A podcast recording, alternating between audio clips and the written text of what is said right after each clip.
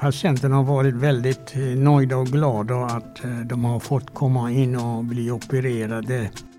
Vi vill försöka hitta nya vägar att gå för att kunna komma till stånd med att korta köer. Och så vill vi naturligtvis korta köerna. Operationsköerna som vuxit under pandemin har under hösten stadigt minskat på Sahlgrenska universitetssjukhuset. Bland annat tack vare extrainsatser gjorda med en unik metod. Och sjukhuset trappar nu ytterligare upp satsningen på att beta av köerna. Det här är Sahlgrenska podden.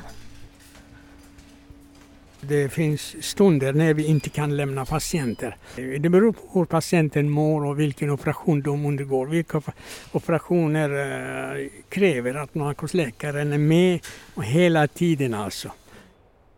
Det är dagens första operation på operationssal 55 på Sahlgrenska universitetssjukhuset.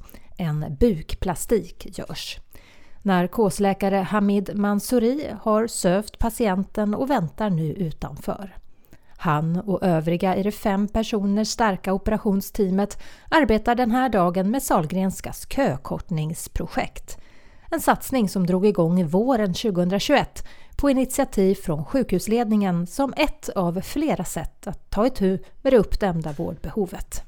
Jag heter Anna Elander. Jag är verksamhetschef och initiativtagare till det kökortningsprojekt som har pågått under 2021. Eh, vi har eh, gjort i storleksordningen 200 operationer inom ramen för detta. Mm. Vad betyder det konkret?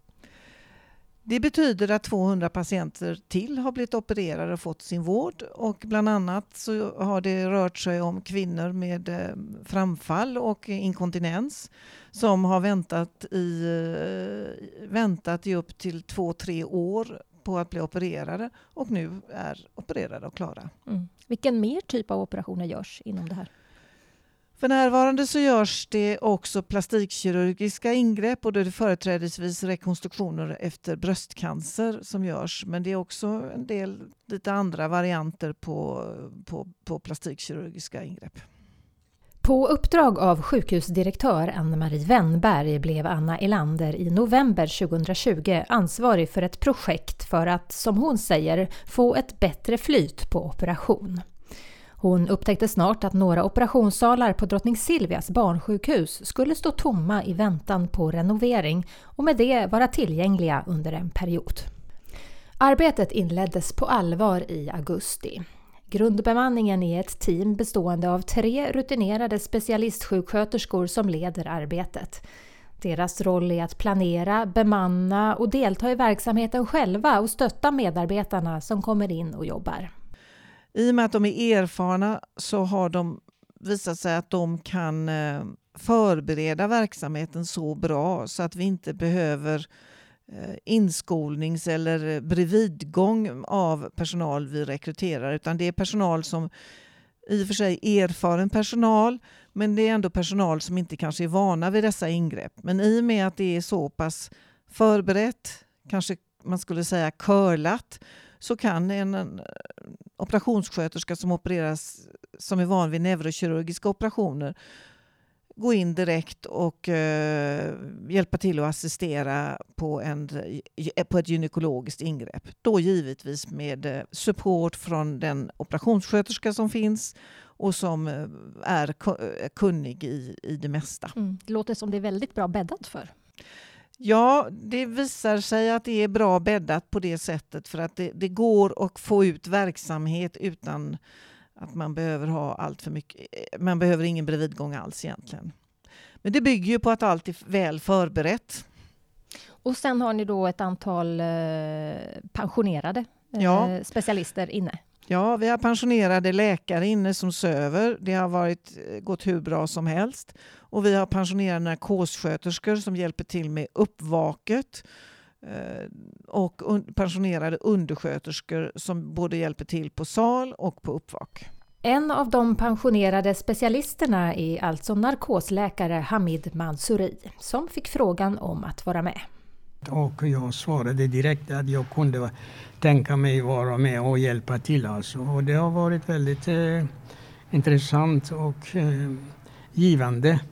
både för min del så att jag kunde använda mina erfarenheter och kunskaper och dessutom eh, nästan alla patienter som jag har träffat så var väldigt nöjda och glada när de kom till oss och samtidigt när de skulle gå iväg så tackade, oss, tackade de oss för omhändertagandet. Och de kan fortsätta med sina liv istället för att behöva vänta långa perioder för eh, sina operationer.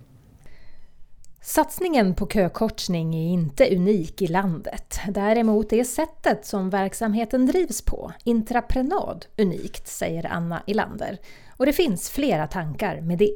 Huvudsyftet är att vi ska eh, operera fler patienter.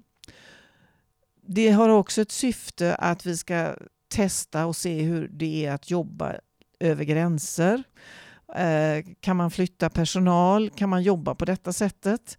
Vi vill försöka hitta vägar att gå, nya vägar att gå för att kunna komma till stånd med att korta köer. Och så vill vi naturligtvis korta köerna. Och utvecklingen har vänt. I november minskade för tredje månaden i rad antalet som väntat över 90 dagar på operation eller behandling på Salgrenska.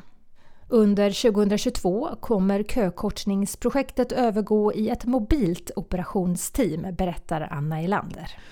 Och tanken med det är att de dels ska ha, ha en eh, fast position och eh, förhoppningsvis att vi kan bygga åtminstone två team där vi ska kunna erbjuda att det teamet i ett, eh, på ett repetitivt sätt kan gå ut och eh, öppna salar på andra verksamheter. Då opererar man den verksamhetens patienter eh, samtidigt som det kommer då det här kökortningsteamet. Och det består av samma be bemanning då? Ja, det, det, behövs då två team för att vi ska klara det. Men eh, får vi ihop två team så kan man då till exempel varje måndag vara på operation X och göra den typen av operationer. Då gör man inom den verksamheten all kringlogistik finns. Eh, verksamheten själv planerar eh, operationerna med det teamet som står för att öppna den, den tomma obemannade salen. Minskade väntetider och fortsatt hantering av pandemins effekter är ett stort fokus i sjukhusets budget för 2022. Fler åtgärder än det mobila teamet är på gång, berättar Anna Elander. Bland annat fler öppna operationssalar, ökad produktivitet på salarna och satsningar på kvällar och helger. Mycket är det som planeras. Finns det bemanning för allt det här? Nej, det är det som är en, eh, den eh, springande punkten.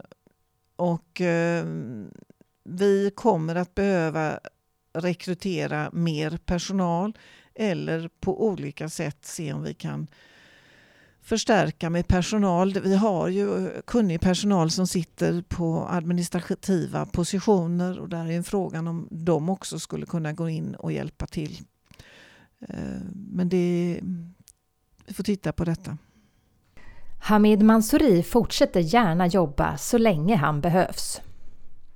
Jag kan tänka mig fortsätta med det eh, projektet trots min ålder. Och åldern, åldern är en siffra bara.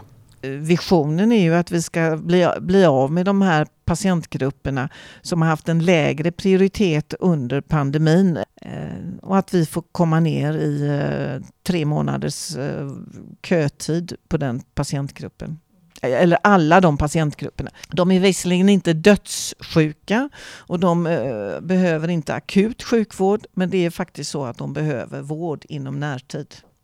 Om vi nu tittar framåt för eh, hela 2022 så är min förhoppning att vi eh, med kökortningsprojektet ska kunna ha en bra verksamhet med god produktivitet och åtminstone kunna operera ett tusen patienter eller något sånt i den branschen. Eh, får vi ihop en, en, en grupp så att vi har, kan ha, åtminstone ha två operationslag så bör vi kunna komma upp i de volymerna hade vi fått hålla på hela hösten, då hade vi varit uppe i närmare 500 patienter på det projektet på en sal.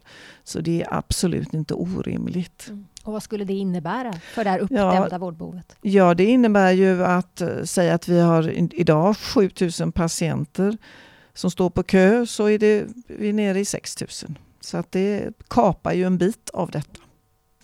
Och det är tusen patienter till som får sin vård. Men det gäller att vi samarbetar över gränserna.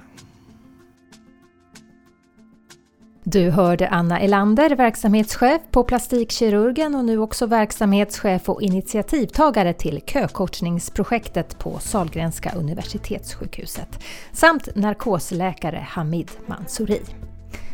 Salgrenska podden görs av kommunikationsavdelningen på Salgrenska universitetssjukhuset och kontakta oss gärna med synpunkter, tips och idéer på mejladress redaktionen.su vgregion.se